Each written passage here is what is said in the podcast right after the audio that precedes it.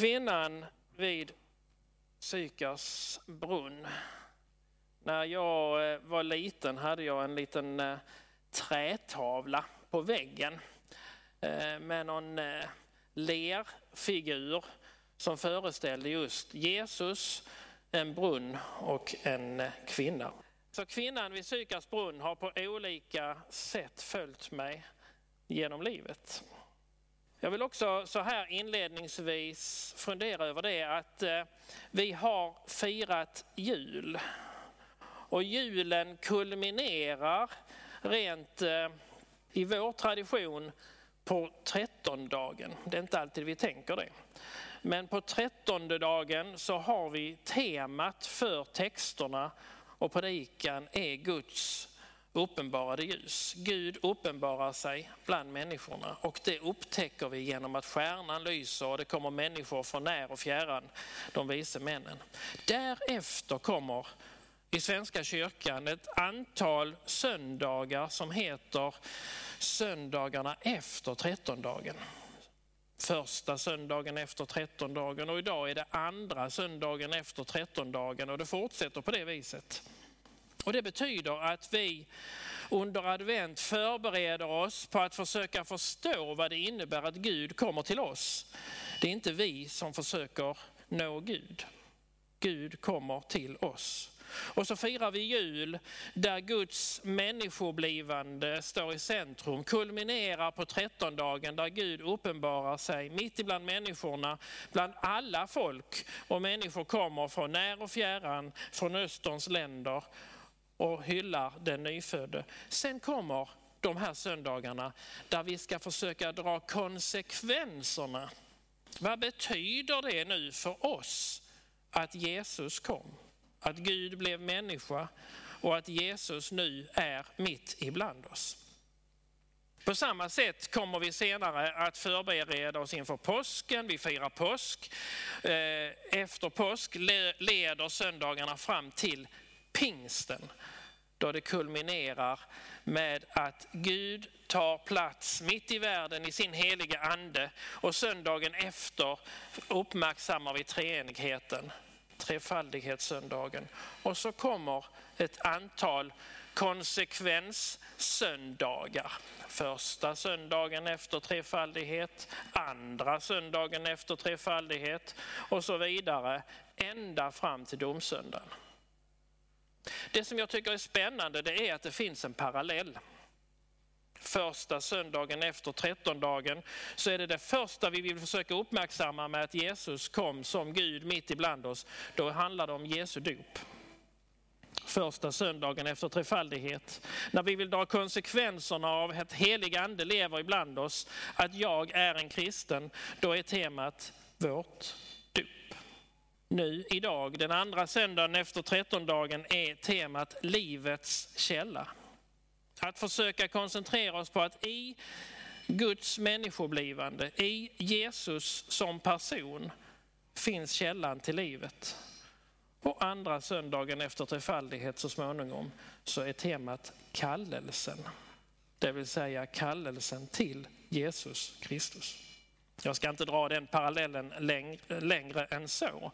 Men det är spännande att fundera över att när Jesus kommer till världen så uppmärksammar vi konsekvenserna på egentligen liknande sätt som när vi vill dra konsekvenserna av att vi fylls av helig ande och får leva med treenig Gud i vårt centrum livets källa och kallelsen till Jesus, det är centralt för det som händer vid Sykars brunn.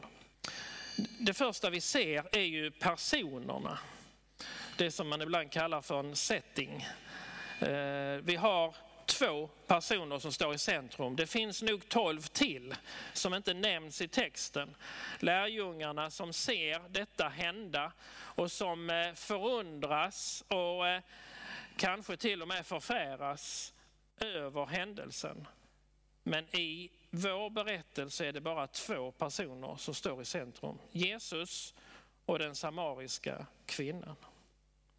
Jag skulle vilja säga att det finns minst tre saker som är problematiska med den här kvinnan. Det första är just att hon är kvinna. Det andra är att hon är samarisk. Och det tredje är det som vi ofta har eh, Eh, fördjupat oss i, att hon kommer mitt på dagen. Att hon är samarisk och att hon är kvinna är två faktorer som skulle göra det självklart för Jesus att inte tala med henne. Det här har man fördjupat sig i olika sammanhang och ni har säkert alla hört olika utläggningar om detta. Kvinnans plats i det judiska samhället eh, och förhållandet mellan judar och samarier som vi också får höra ett spännande spel i den här berättelsen. Båda dessa faktorer bryter Jesus totalt med. Han följer inte traditionen och bryr sig inte om den. Eller är det kanske det han gör?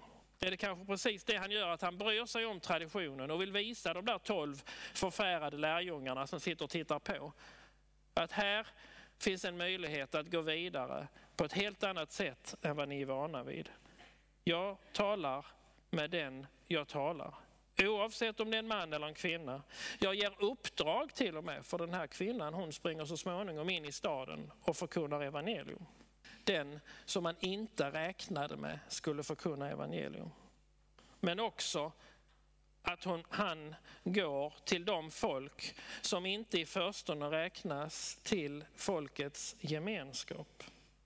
Det här är ju någonting vi brukar ta upp i konfirmandundervisning och i andra sammanhang, men då oftast i en annan berättelse om samarierna, nämligen den barmhärtige samarion, som är den som visar kärlek och omtanke och som också är den man kanske inte förväntade sig skulle visa kärlek och omtanke. Jesus bryter mönstret. Hur kan vi ta till oss hans förmåga att bryta mönstret. Hans förmåga att se traditionen och göra tvärtom. Fast på rätt sätt naturligtvis. Jag känner många som ser traditionen och bryter med den bara för att det är roligt och det är någonting helt annat. Sen har vi det här att hon är där mitt på dagen. Det är inte en tid när man går och hämtar vatten. Det gör man tidigt på morgonen innan det blir för varmt. Så att man sen har vatten hemma när det är så varmt att man inte orkar gå. Var det en slump? Han förväntade sig inte möta någon, hon förväntade sig inte möta någon. Och det var kanske just därför hon gick dit. Hon skämdes över sitt liv och det kommer vi snart till. Så hon var van vid att inte bli bemött med värme och kärlek och passar därför på att gå när hon slipper möta de andra vid brunnen. Men när det gäller Jesus så tror jag faktiskt inte det är så att han går dit när det inte är någon där. Han går dit för han vet att hon ska gå dit. Han sätter sig där och väntar och till synes ber om vatten. Fast jag tror inte han är intresserad av att få vatten. Jag tror han är intresserad av följdfrågan. Han är inte där för att få, han är där för att ge. Han är där för att ge möjlighet till just den här fortsättningen. Att hade du vetat vem du talar med så hade du bett honom om vatten. Jaha, och hur ska du fixa det? säger hon. Han har gått dit för han vet att hon ska komma. Hon räknar med att inte behöva möta någon. Ibland brukar jag skämta lite grann. Jag har eh, ett valspråk, jordens salt, som jag faktiskt snart kommer att komma tillbaka till. Men jag brukar skämta och säga i församlingarna att jag har ett valspråk till och det är hemligt. Och det val, men det valspråket kan jag berätta, det är man vet aldrig när jag dyker upp. Det kan vara bra att fundera på. Jag tror att Jesus har det valspråket också. Man vet aldrig när Jesus dyker upp. Och jag tror det är precis det vi ser ett exempel på här i den här berättelsen. Kvinnan gick till brunnen för att få vara ensam och slippa möta andra, andras blickar och andras frågor. Och man vet aldrig vem som dyker upp. Och i det här fallet var det Jesus själv. I syfte att möta den kvinnan som inte ville bli mött. Eller kanske som verkligen ville bli mött, men inte på det sätt hon brukade bli mött. Och därför tog det säkra före det osäkra och gick dit när hon skulle få vara ensam. Jag tror faktiskt vi kan, eh, vi kan ta fasta på den här berättelsen, inte bara i vad vi ska göra i vårt bemötande av andra, utan också som en påminnelse om just, man vet aldrig när Jesus dyker upp. Man vet aldrig i vilka sammanhang jag hamnar i där just Jesus visar sig vara mitt framför mig. Kanske i mötet med den andra människan, kanske på ett sätt som jag bara förnimmer eller kanske i efterhand med en rysning inser att jag har varit nära en situation där Gud har kommit mig till mötes i Jesus själv. Så har vi det här med vatten och källan. Livets källa som är dagens tema blir väldigt lätt att överföra på just vattnet i brunnen. Om du visste hade du bett mig, sa Jesus. Om du visste vad jag hade att ge så hade du inte brytt dig om vattnet i brunnen. När man är inne i Jerusalem så blir mina svarta skor alldeles gula av ökensand. Så torrt är det. Så vinden är alldeles mättad av ökensanden. Hur mycket torrare är det inte när man vandrar fram ute i öknen. Utan vatten finns inget liv. Det är helt nödvändigt att få tag på vattnet för att själv överleva, för att grödorna ska överleva, för att djuren ska överleva och för att kunna tvätta och hålla hygienen. Vattnet måste hämtas hela tiden. Och så säger Jesus, om du hade vetat vem jag var så hade du inte brytt dig om vattnet i brunnen. Då hade du bett mig om det jag har att ge. Vad är det han har att ge som är ännu viktigare än det vatten som parlar i brunnen, som gör det möjligt att överleva? Jag tror att det är ganska självklart för oss människor att vi ser det vardagliga livet som det absolut viktigaste. Också när vi blir sjuka och skadade och när vi hamnar i situationer där livet hotas så är det självklart att vi måste se detta livet vi lever som det som är centralt. Det är det vi ska skydda, det är det vi ska rädda. Ändå vet vi som en gång har upptäckt vem han var som mötte kvinnan vid Sykars brunn att det finns något som är ännu mer centralt, ännu mer viktigt än det liv vi lever. Detta som faktiskt består också den dagen då livet tar slut. För det vet vi alla. Lika väl som eh, man kan säga om Jesus att man vet aldrig när han dyker upp, så kan man säga det om döden. Man vet aldrig när detta livet tar slut. Men vi vet att det en dag ska göra det. Så hur mycket vi än arbetar för att skydda livet och rädda livet så vet vi att en dag blir det inte så. Då är det viktigt att komma ihåg att Jesus sa till kvinnan vid Sykars brunn att om du hade vetat vem jag är så hade du bett mig. För Jesus har något som är ännu mer centralt och ännu viktigare än det vatten som porlar i brunnen och som gör det möjligt att överleva. Han är källan till livet. Det liv som aldrig dör. Det liv som inte tar slut den dagen då hjärtat slutar slå och andningen upphör. Det finns ett liv som är större och det är det han antyder också för kvinnan. I Jeremias andra kapitel står det en påminnelse till folket som Jeremia får ropa ut. Ni har gjort dubbelt fel. Ni har begått en dubbel synd. Ni har för det första övergett de brunnar som ger friskt vatten. Och ni har för, för det andra konstruerat behållare som inte håller vatten. Ni hade vatten och ni var inte nöjda. Och ni gick till en annan källa och där var det inget vatten. Stanna vid den sanna källan. Stanna i Gud, vid Gud och låt Gud fylla er med liv. Så säger Jesus till kvinnan vid Sykars brunn. Så säger han samtidigt till alla de tolv förfärade som lyssnar. Och kanske är det det som kvinnan sen springer in i staden och ropar ut för folket. Eller också växer det fram så småningom. Här är källan till ett liv som inte dör den dagen hjärtat slutar så eller andningen upphör. Så har vi då det här med jordens salt.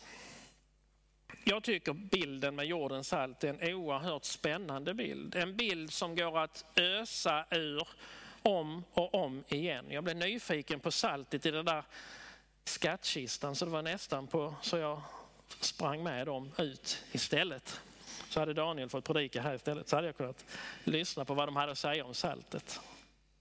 Saltet har jag skrivit om bland annat i mitt herdabrev som heter Kallad till kärlek. Och där har jag försökt utveckla olika aspekter av vad vi kan ta fasta på i bilden av att vi är kallade att vara jordens salt. Jag har pratat om detta att eh, där två eller tre är församlade i Guds namn så är han mitt ibland oss. Det vill säga, förfäras inte över den lilla gruppen. Även där finns helig ande. Det räcker med en liten nypa salt i gröten eller i soppan så märks det i hela tallriken. Det gör skillnad, även om det är lite. Det är också så att eh, strör man några chilikorn i soppan så märks det lite grann i hela soppan men framförallt de gångerna man råkar bita i de kornen som då man har hällt i. Men när det är saltet så löses det upp och finns lika mycket i hela soppan. Så tror jag faktiskt att det verkar med Guds folk. Vi som är kallade att vara jordens salt. Vi påverkar hela samhället om vi lever ut vår tro. Vi lever i bön och ber för människorna omkring oss. Vi ber för staden och vi ber för samhället och allt som händer. Det påverkar alla som saltet som löses upp. Men här i denna berättelsen kommer en annan aspekt av saltet med. En aspekt som jag också faktiskt skrev om där men som vi sällan pratar om för den är lite jobbig. Det gör lite ont och det är detta med salt i såren. När, ni vet alla, när man badar i havet på eh, sommaren, ju saltare havet är, desto fler skrubbsår upptäcker vi. Desto fler sprickor i huden la vi märke till som vi inte ens visste vi hade innan vi gick ner i vattnet. Att strö salt i såren är inte till för att plåga oss. Det är till för att upptäcka de sprickor och de skavanker som vi behöver ta hand om.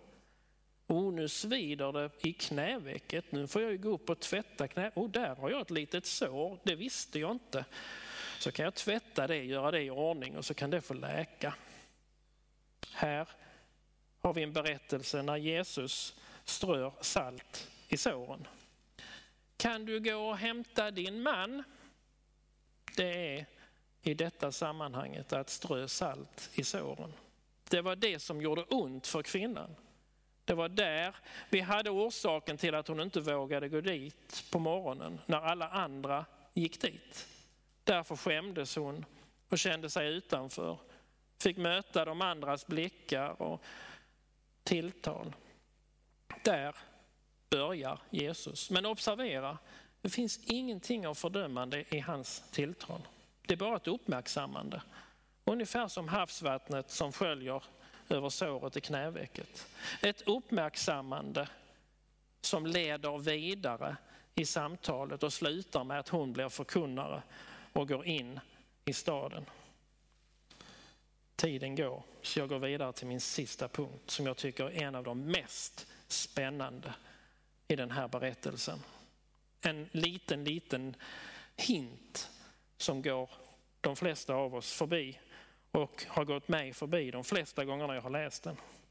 Men för att tala om det måste jag backa ända tillbaka till Mose vid den brinnande busken.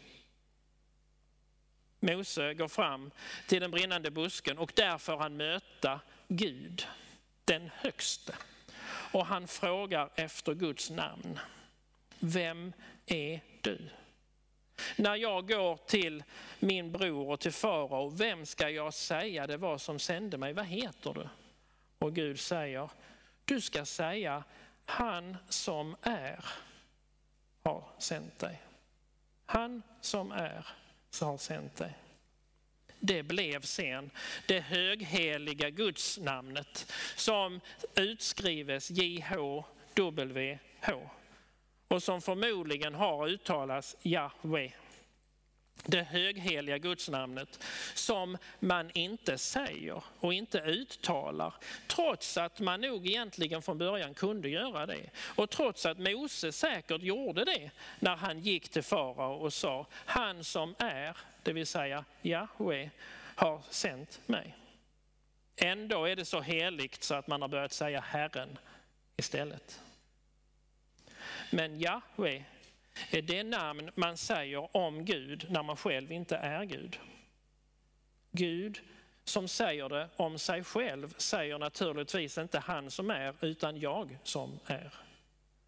Och det sägs också där till Mose, jag är den jag är och därför ska du säga han som är har sänt mig. Men ibland möter vi som en liten, liten hint det högheliga gudsnamnet uttalat ännu heligare, ännu tydligare, nämligen rakt på. Inte han som är, utan jag är. Och det gör vi i den här berättelsen. Därför att formuleringen som Jesus säger, när kvinnan säger, ja men vi väntar på Messias, det är precis den.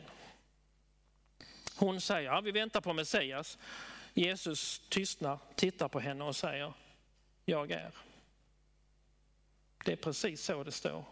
På grekiska ego eimi, jag är. Och det är ett tecken på vem Jesus verkligen är. När vi pratar om livets källa och vad som hände under julen och kulmen vid trettondagen så är det detta.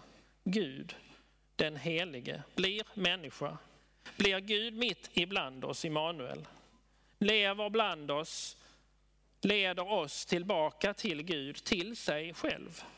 Detta är Jesus. Den enda som inte bara vågar säga han som är, utan som till och med vågar säga jag är. Jag är den jag är. Sådan är han.